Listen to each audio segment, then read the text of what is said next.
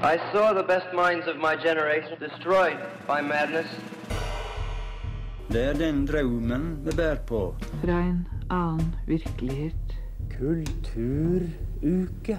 Eh, Ja, jeg heter Dag Solstad, og dere hører nå på Bokbaren, og der er altså jeg.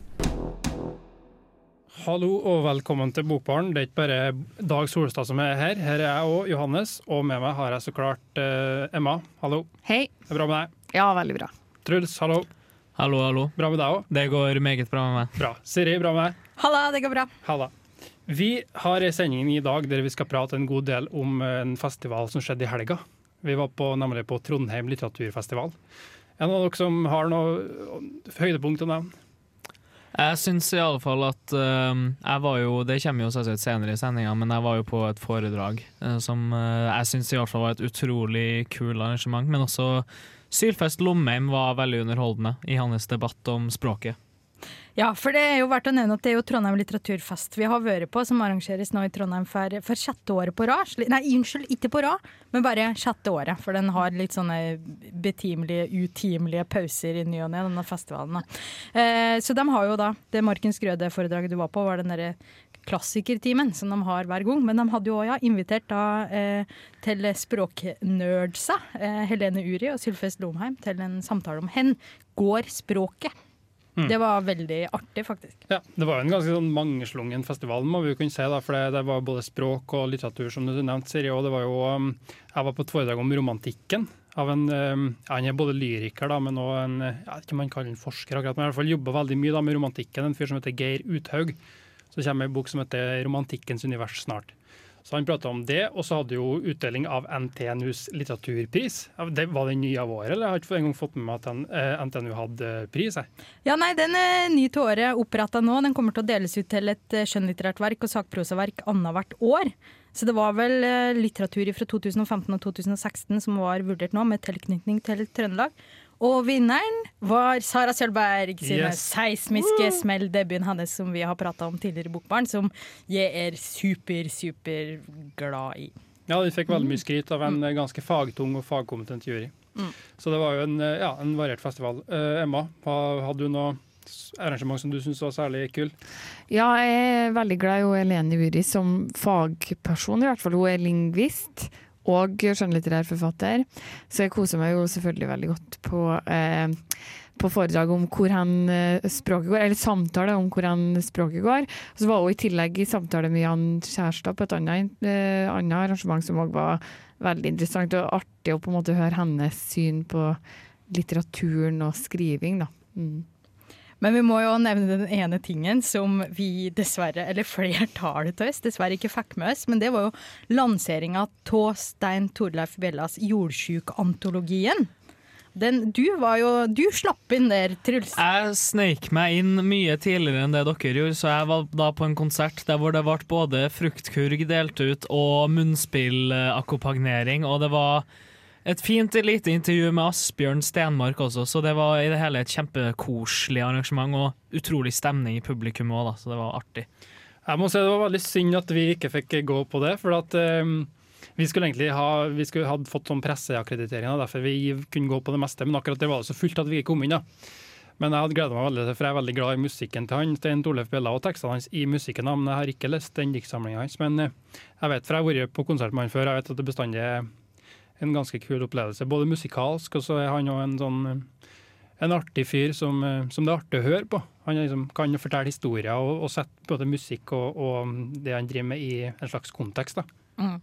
Ja, ja, jeg gleder meg gaffer til å lese det sjøl. Men en fyr vi fikk møtt, da, det var jo faktisk Jan Kjærstad. Yes. Du og jeg, Johannes. Jan fuckings Kjærstad. Oi!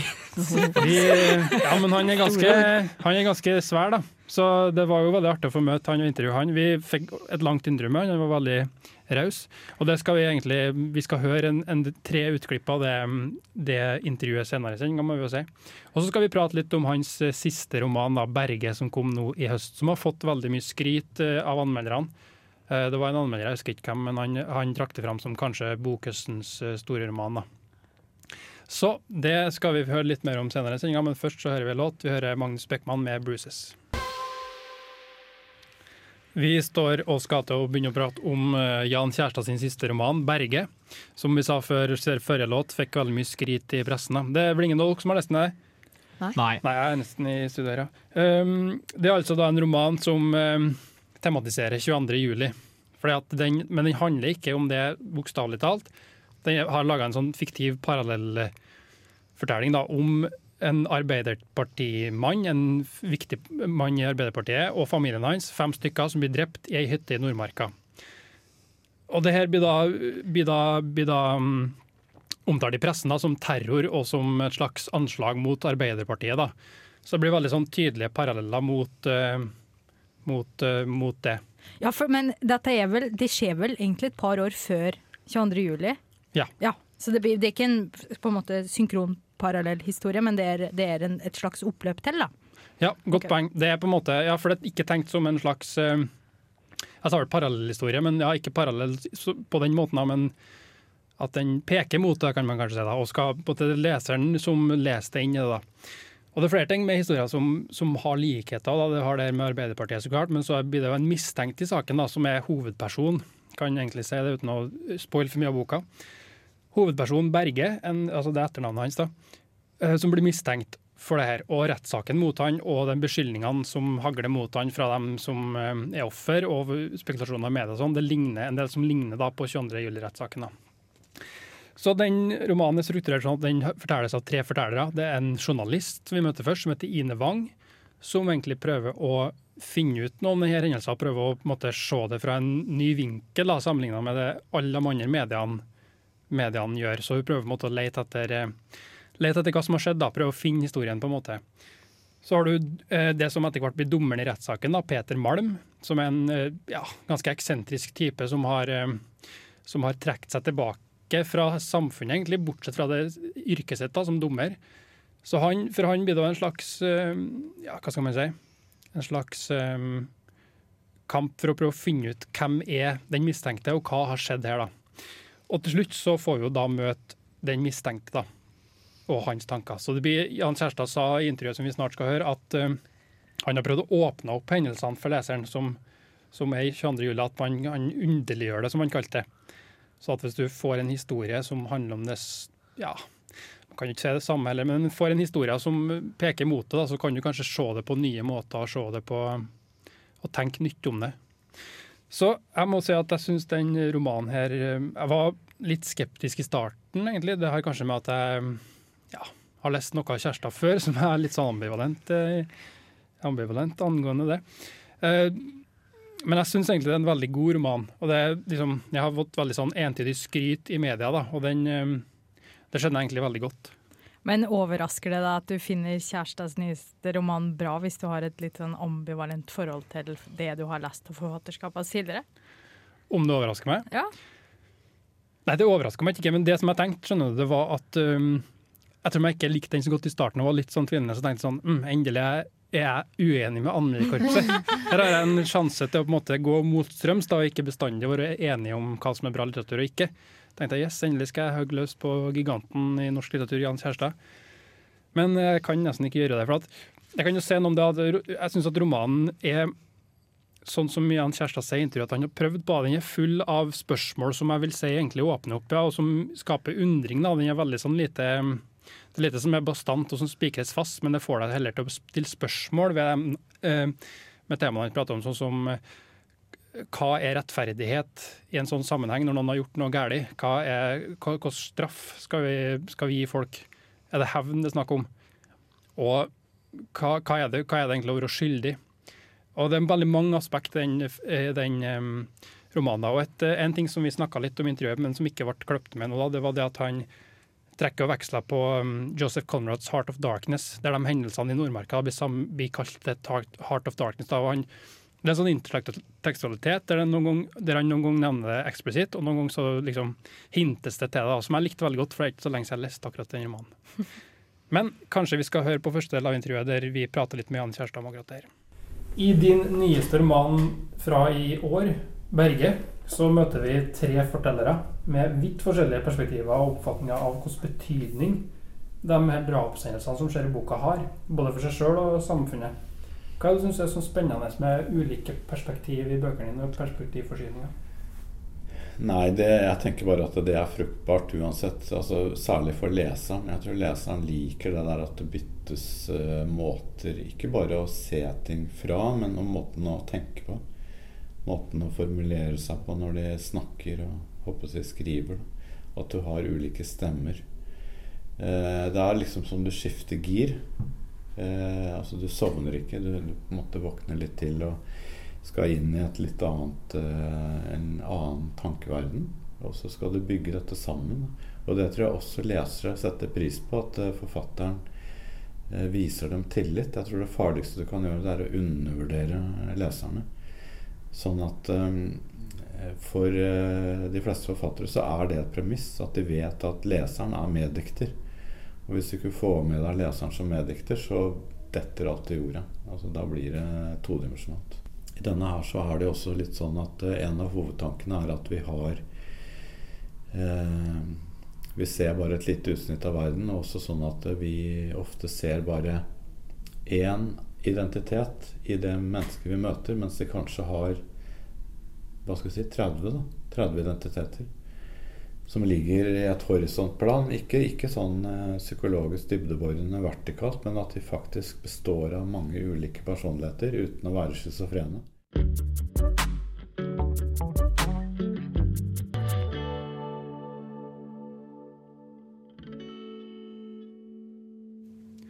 Yes, vi prater om Jan Kjærstad sin siste roman, 'Berge'. Mens vi hører litt på intervjuet med han, skal vi høre mer av senere. Um, du har jo ikke lest boka, men er det noe du syns høres fascinerende ut? Eller eh, hva tenker du om med boka? Ja, jeg personlig så er jeg ganske glad i eh, altså for Jan Kjærstad sa jo i intervjuet her at, at, han tror at de fleste lesere foretrekker flere perspektiv i form av ulike fortellere. Men altså personlig så er jeg kanskje mest glad i bøker med én forteller. Da. Og så lurte jeg på, på en måte om, om de her ulike fortellerperspektivene gjør at du får en slags dybde. Du snakker om at man, man stiller en del spørsmål rundt f.eks. hva er rettferdighet, og føler at de her ulike perspektivene gir en slags dybde, eller er med på å, å skape de her spørsmålene. Ja, det vil jeg egentlig absolutt si. og det, Som jeg sa tidligere, jeg syns den romanen er veldig bra. det er veldig vellykka. Jeg vil si at De ulike perspektivene bidrar til det. fordi at for eksempel, da, Først så møter man journalisten Ine Wang. sant? og hun er jo, For det første så framstiller han jo hun som en, ja, nettopp en, en person, da, et menneske. Men hun har jo en jobb som journalist der hun på en måte prøver å grave frem. og Hun har det profesjonelle blikket da, og prøver å ja, gjennom folk hun prater med, og sånn, finne ut hvem han her er. da.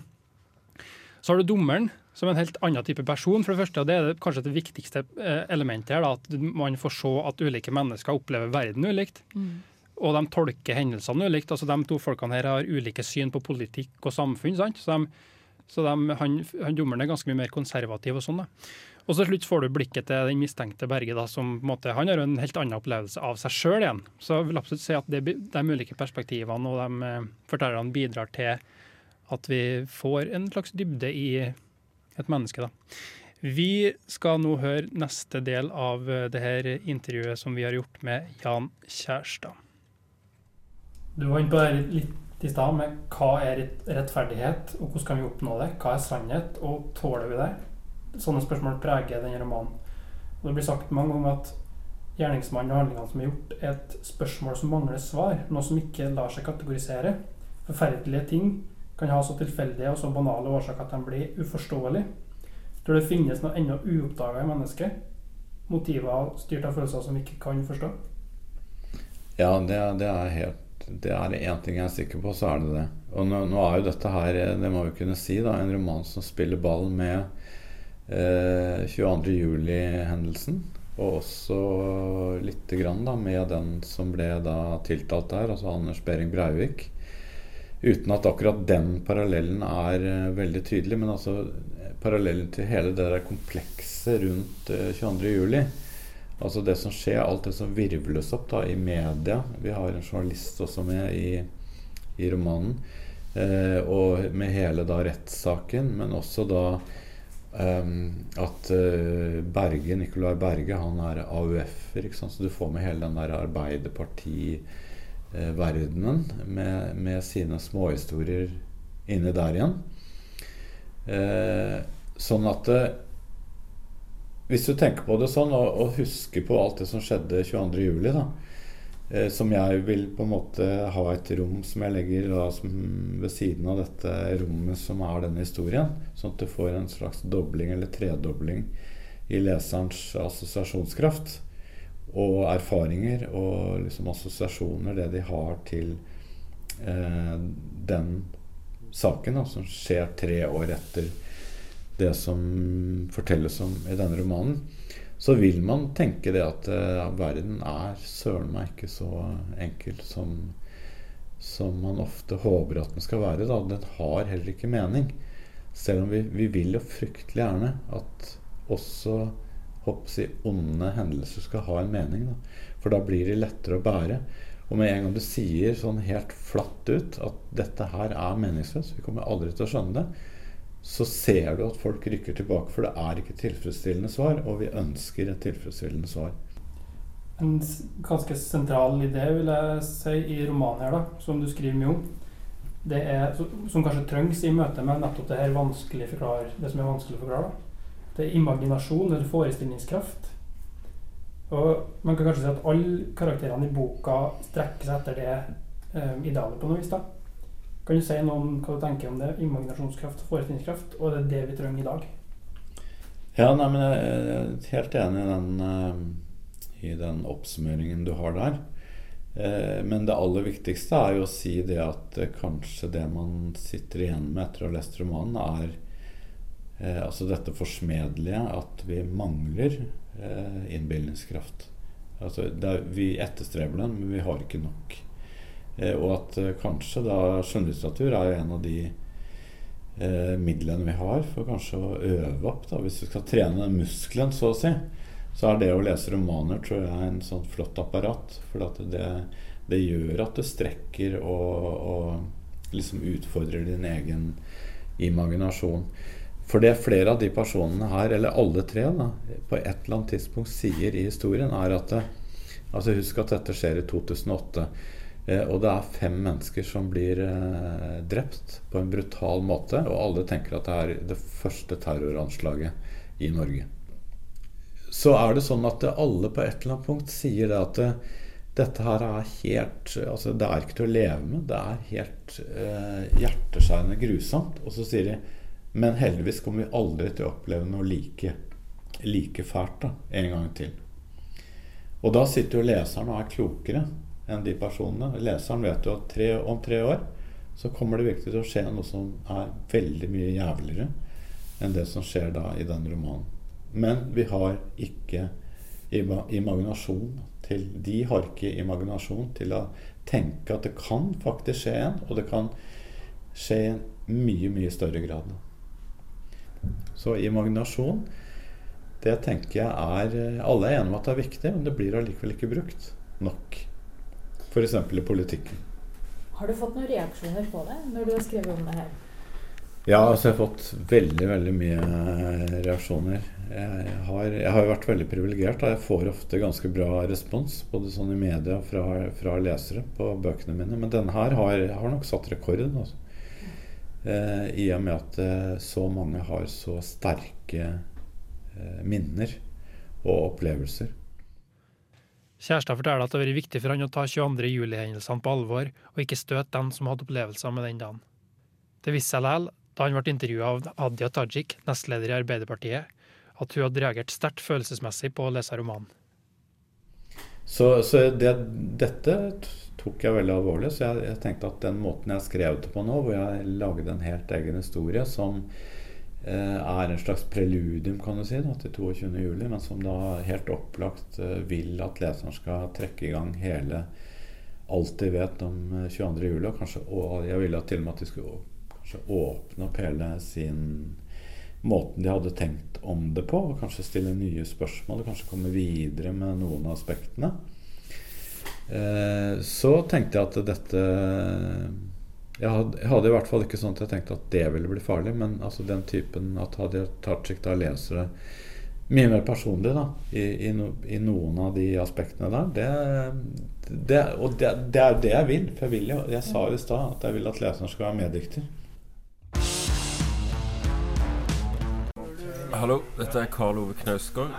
Hver gang jeg er i Trondheim, så hører jeg på Bokbaren. Et fantastisk, eh, fantastisk bokprogram. Ja, du hører altså på Bokbarna. Vi har vært på Trondheim litteraturfest, eller litteraturfest eller litteraturfestival. Fest, fest ja. ja. Litteraturfest i helga, og der har vi møtt uh, vår venn Jan. Altså Jan Kjærstad, da. Um, og nå skal vi da høre tredje del av det intervjuet med Jan Kjærstad. Vi har vært innom mye forskjellig nå, og det er jo som du nevnte på samtalen vår, så er det jo en kjærlighetsroman. Det er jo en viktig del av romanen. Men kanskje først og fremst er det en, en bårende undersøkelse i et individ, og hva et individ kan være for noe. På ulike måter. Og som mistenkt i rettssaken så blir, Berge, blir, det sagt om Berge at han lever i en fantasiverden, og at han mangler kontakt med virkeligheten. En karakteristikk som vi kjenner igjen fra Breivik-rettssaken òg. Mm. Men det interessante her da, at jeg stilte meg det spørsmålet om det kan være sånn at nesten alle mennesker kan oppfattes sånn i en viss sammenheng. Ja, ja, men eh, det er jeg helt med på. Jeg tenker jo at Berge er alle. Altså Berge er deg og meg og altså alle nordmenn. Eh, på godt og vondt. da. Eh, men sånn vil det ofte være med bra tenker sånn som bra romanpersoner. De, de er jo ofte representative. Eh, men eh, det lærte man jo allerede på skolen, at du skulle aldri skrive en tese i frakk. Altså Det skal ikke være en sånn idé som du bare kler på klær og sier at her har du en spennende romanperson. Du vil, du vil, du vil at det skal bli et tredimensjonalt menneske. Hvis du får med deg leseren til å være med og dikte, da, så vil jo forfatteren og leseren kanskje til sammen klare å bygge en person som begynner å leve. da, og eh, altså, alle, altså, alle, de store personlighetene i, eh, i verdenslitteraturen, de, de, er jo veldig sære. Ofte eksentriske. Og de virker, på, virker altså veldig sjeldne. Når, men når du begynner å tenke etter Grunnen til at vi elsker dem, det er jo det at de, er, de ligner på oss. Altså at du, du gjenkjenner deg i dem. Da. Mm. Og det er ofte det du strever etter som forfatter. Det er jo å skape gjenkjennelse. Så hvis du ikke får leseren til å kjenne seg igjen på en eller annen måte i det universet du skriver fram, så mister du å lese. Mm. Ja, Men du nevnte eh, mikrofortellinger, og det var òg en ting som du og Ole Jakob Hoel prata litt om under den samtalen i går. Og den, den gode fortellinga, da. Mm. Jeg lurer på, For deg her, er, her kjennetegner den gode fortelling? Eh, altså akkurat til denne boken her? Nei, generelt. Oh, ja, ja. Liksom. Nei, jeg tenker at det som kjennetegner en god fortelling, er at eh, den gir deg en erkjennelse som du ikke kan få på noen annen måte. Eh, altså Den gir deg en slags innsikt da, som, som eh, du ikke kan få gjennom eh, å lese sakprosa. Ikke ved å høre på musikk, ikke ved å se på film, eh, ikke TV-serier, ikke billedkunst, ikke malerier, ikke dans. Altså you name it. Altså Det er noe helt sånn genuint som bare da fortellingen kan gi deg. Det er en slags sånn Jeg tror det er en sånn erkjennelse som er så dyp at den er ordløs. Så det er et veldig paradoks at det, det mest verdifulle da, i, i, en roman eller i en fortelling klarer du ikke å formulere med ord til din beste venn når de spør hvorfor syns du denne historien var så god. Men, men det, er, det, er, også hemmeligheten med, med, litteratur. Altså, man er på jakt etter det uutsigelige. Eh, og jeg tror at det, Altså Det som er eh, interessant, er at den erkjennelsen blir erkjent. Altså Det er en slags sånn katarsis. Altså det er en slags sånn kroppsreaksjon. Du, når du hører en fortelling som gjør inntrykk på deg, så er det et eller annet som løsner. Altså Et eller annet som forandrer. Det er noe som biter inni deg, som blir skrudd på en annen måte, eller går fra hverandre eller mot hverandre, eller en eller annen balanse som plutselig innfinner seg. Det er noen sånne rare ting som skjer. Eh, og jeg tror at du bruker også den erkjennelsen eh, siden i livet på, på måte, altså, uten at du vet det. Altså Den blir liggende i deg, og du, du, den er en bestanddel av avgjørelser du tar. Altså, kanskje til og med etiske valg du gjør. Men du vil aldri klare å liksom, spore det tilbake til akkurat den og den og den boka eller fortellingen. Ok, Da sier jeg bare tusen takk for et eh, langt og godt intervju. Ja, i like måte. Det er veldig oppegående folk å snakke med. Ja. Så det er et privilegium, det, for meg. Ja.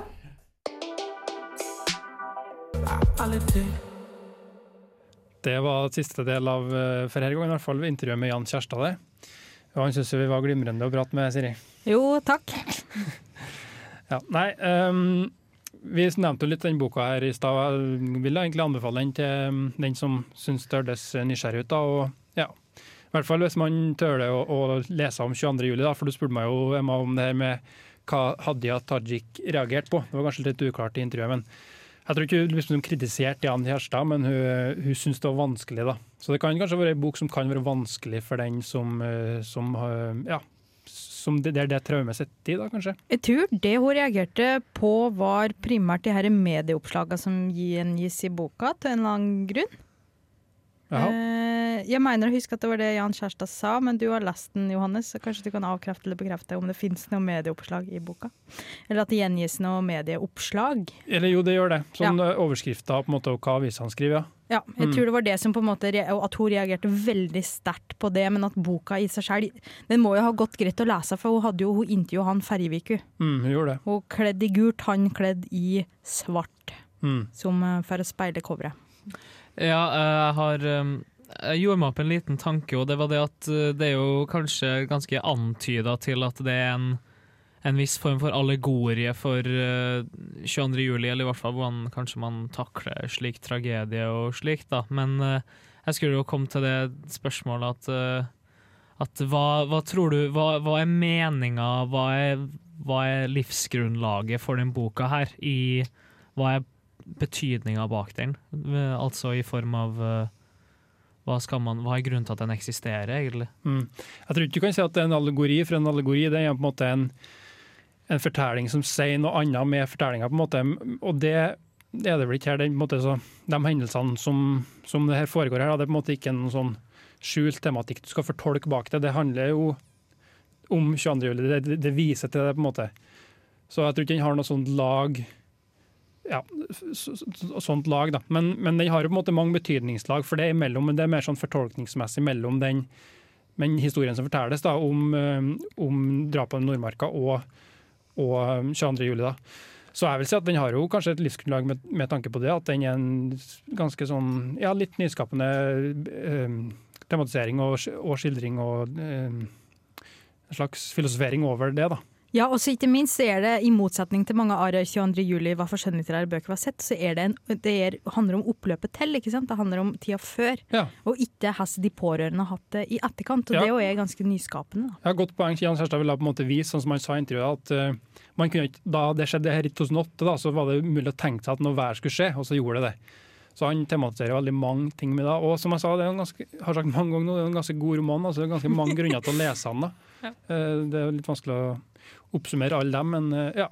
Jeg vil si at en, altså en god roman som på en måte ikke gir noe uttømmende svar, men som får deg til å stille spørsmål og får deg til å undre, og som, som det ble snakka om her, se, deg, se ting på nye måter, må vel bestandig ha et livsgrunnlag, tenker jeg. Så ja, det var det. Vi skal høre et, enda et intervju i sendinga her, så vi må bare frese videre. Det er med eh, førstelektor ved NTNU, Frode Lerum Boasson. Eh, han skal prate om Markens grøde, som det var et intervju du gjorde, Truls. Det var det. Eh, men først så hører vi Moses Sumney med 'Don't Bother Calling'. På Trondheim litteraturfest i helga så var det jo foredrag Klassikertimen, var det ikke? Det var det. Mm. Klassikertimen Marken Skrødar 100-årsjubileum. Det var kjempekoselig intervju jeg hadde med Frode Lerum Boasson. Mm. En eh, kjent foreleser ved Institutt for språk og litteratur ved NTNU. Absolutt. Eh, kanskje vi bare skal høre intervjuet du har gjort med han? Det kan vi. Mm. Jeg står her da med Frode Lerum Boasson. Du har eh, nettopp hatt et fremragende foredrag om Knut Hamsun og Markens Grøde på litteraturfest her i Trondheim. Du kan jo kanskje egentlig bare gi en slags fort introduksjon til Markens Grøde, egentlig. Kanskje? ja. Eh, en introduksjon til Markens Grøde det er at eh, Hamsun eh, i, under eh, første verdenskrig skriver en bok om eh, markgreven Isak som kommer fra ingen steder, og som eh, går ut i ødemarken, og der bygger han eh, det som etter hvert og i løpet av romanen blir en storgård og en grend. Altså Han bygger opp et nytt samfunn og får masse barn, det kommer folk etter han. Og på den andre siden av Sellandrå så er det moderniteten, sivilisasjonen og byen. Um, og alle som reiser til byen, de blir enten uh, impotent, uh, mister eh, muligheten til å få barn, eller så blir de forkvaklet og blir sendt til Amerika. Så byen, den er, den er skrekkelig. Eh, mens det nye jordbrukssamfunnet da skal representere eh, en ny mulighet for eh, den verden man ser rundt seg. eh, første verdenskrig. Og det er virkelig viktig å se eh, ødeleggelsen av første verdenskrig som bakteppe her. I tillegg til at eh, det reiser så ufattelig mange nordmenn til Amerika. Så Hamsun vil veldig mye. Han skriver at boken er et varsku til sitt slektsledd. Det kan vi kalle det også i dag, men da uten uh, å problematisere blir det veldig, veldig vanskelig. Men når det er sagt, så det ligger mange ting i Markens Grøde som, som gjør det til uh, ikke, det, det, er ikke et rent propagandaskrift. Og en av de aller gøyeste karakterene i Markens Grøde heter uh, Geisler. Lensmann Geisler. Han er en drikkfeldig type som gjør alt godt, men som eh, er en, eh, en eh, Han står i forbindelsen med, med russisk eh, litteratur og det som Dostojevskij kjenner vet om som en Svidrigailov, altså en slags nihilist som bare gjør masse greier og uh, representerer masse bra, men er en kyniker av rang. Og han er jo den spennende motoren i boken. Og når han er borte, så blir det alltid kjedeligere. Da, da kan man si at det er kjedeligere å lese den. Jeg husker for et par år siden så var ikke Knut Hamsun inkludert i 100 nordmenn noen gang fordi han var nazist. Så hvordan skal man betrakte Knut Hamsun i den moderne tid? Vel, det har man jo prøvd å svare på siden han ble eh, åpenbar eh, fascist på 20-tallet, og videre eh, når han eh, da ikke bare reiste til Hitler og besøkte han på vegne av den norske stat, så å si, men eh, skrev da en skandaløs nekrolog om at vi bøyer våre hoder når denne reformatoren nå har gått bort. Eh, en sånn forfatter har vi vanskelig for å aktualisere uten en viss bismak. Eh, og en sånn forfatter er det ganske vanskelig å gjøre til eh, år eh, en, en, av de hundre flotteste nordmenn. Det går an å være enig i. Men forfatterskapet viser veldig mange ting, og det er aldri sånn at det er bare enten-eller, og det er bare én ting. men det er jo veldig vanskelig å hylle en nazist. Det så vi i 2009 når det var Hamsun-jubileum. Men forfatterskapet har veldig mye mer ved seg enn man tar med når man bare klistrer nazisten men, over det. Med det så Så altså 100 år senere, hvorfor er Marken Skøde fortsatt aktuell for den moderne leser? Vel, først og fremst så er den aktuell fordi den uh, adresserer et veldig viktig problem. Uh, nemlig hva vi uh, gjør med naturen når vi lever det livet vi gjør i, en, i et moderne samfunn. og 1917 det er 100 år siden, og det er 100 år siden Hamsun skrev et bondeepos om sivilisasjonens ødeleggelser. Men vi har ikke sluttet å ødelegge naturen rundt oss. Og dermed så vil det jo være mange ting å peke på i denne boken som vi kan aktualisere også i forbindelse med vår tid. Nemlig økologikrisen, klimakrisen. Det er veldig kortreist mat på Sellandrå, der vi befinner oss i markens grøde. Hamsun og boken vil rett og slett at vi skal begynne på nytt. Og med det så er det altfor mange andre ting som eh, gjør at vi ikke kan aktualisere den uten en politisk eh, bevissthet. Knut Hamsun er jo en utrolig kontroversiell figur. Og som sagt så har jo masse Man kan jo si at han lever i Han lever jo i et godt velgående i den sans at han blir lest. Men uh, tror du Markens Grøde Hva tror du Markens Grøde peker ut for uh, det fremtidige slags slektsledd. Tror du at uh, forfatterskapet kommer til å leve i fortsatt beste velgående i fremtida, for, uh, foruten den konservative ideologien, og kanskje at den er litt uh, langsom og slikt? Jeg håper uh, at uh, hvis det er noen som peker ut veien videre, så er det ikke Hamsun. Men jeg håper jo at mange av bøkene hans kan bli husket også om 100 år. Uh, men jeg ville ikke personlig pekt på Markens Grøde som, uh, som, det som er verdt mest å ta med seg. Det er en spennende bok. Det er en veldig spennende historisk bok. Uh, mye med den, mye rundt den, som gjør den ekstra spennende. Men, men, det er jo ikke, det er ikke bare tilfeldigheter som gjør at det er 1890-talls Hamsun som blir hyllet. Sult, mysterier. Herregud, mysterier. Fantastisk roman. og utrolig irriterende. Eh, og eh, av det seinere så er jo 'Landstrykere' helt nydelig. Men eh, det går ikke an å skille totalt mellom den unge og den gamle Hamsun. Ideologien finnes der. Eh, vitalismen som er både nydelig og eh, farlig, finnes der. Og i vår tid, når vi ser det som er rundt oss, eh, med politiske ting som vender tilbake, eh, så er det all grunn til å rope et varsku for å løfte frem Markens Grøde som veien videre. Og med det så kan vi konkludere at, at det har gått 100 år siden Markens Grøde, og den er på ingen måte glemt. Og forhåpentligvis så kommer nok ikke Hamsun til å møte på en uh, kollektiv eh, hukommelsestap innen de neste 30 årene for 200-årsjubileet hans. Tusen takk, Frode Lerum Boasson. Takk skal du ha. Da fikk vi jo litt eh, klassikerprat på slutten her, med Markens Grøde. Så har vi både vært innom eh, Jan Kjærstad og eh, litt andre ting som var på Trondheim litteraturfestival, og Markens Grøde. Jeg tror, mens, som Frode sa på slutten av intervjuet, mens Markens Grøde kanskje ikke skal peke veden framover, da, så er jo eh, Jan Kjærstad mer en eh, forfatter som kan kanskje påvirke folk i dag, tror jeg. Med at mange eh, Du stilte vel det spørsmålet på intervjuet, Siri, eh, at eh, om han har fått mye reaksjoner på boka si, og det hadde han. da. Fordi folk reagerte reagert voldsomt på det.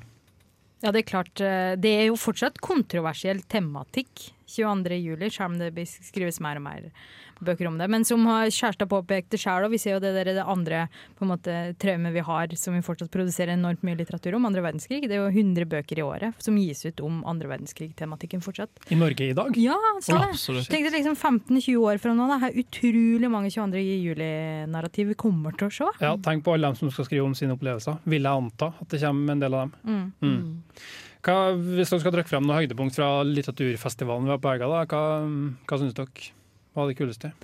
Jeg har jo lest ca. 800 sider med bare Hamsun-biografimateriale, så jeg synes, den nerdepraten jeg kunne ha med Frode, var eh, noe av en Jeg kunne hatt i en våt drøm, rett og slett. Mm. Siri? Oi, eh, eh, nei, jeg har kost meg egentlig mye med å kunne Variert. gå litt uh, hit og dit på, på arrangement. Og likte Helene Uri veldig godt som uh, fagperson, jeg og Marte. Jeg syns språkdebatter alltid er utrolig artig å overvære. da. Mm, hvem var? Så. Språk, for deg som er språkdame. Ja, definitivt. Det var kanskje ikke så mye nye argumenter som ble brakt på banen for min del, men jeg syns det er veldig artig å høre folk som er kjent eller fra andre sammenhenger. Sylfest Lomheim er jo kjent eh, spesielt fra Språkteigen på P2, er det vel. Og Mm. artig å høre dem snakke om aktuell problematikk. Og så er jeg kanskje ikke alltid like enig med dem, og det gjør det jo enda mer spennende. Da. Mm. Kan jeg si at Det var ganske godt besøkt, vil jeg si, det meste på festivalen. så det var en ganske populær festival, så det er verdt å sjekke ut, da, vil vi anbefale for dem som eh, er litteraturglad neste år. da. Eh, Vi er egentlig ferdig med dagens sending i dag. Takk til Siri, Truls, Emma, takk til meg, og takk til tekniker Mathias. Ha det bra. Ha det.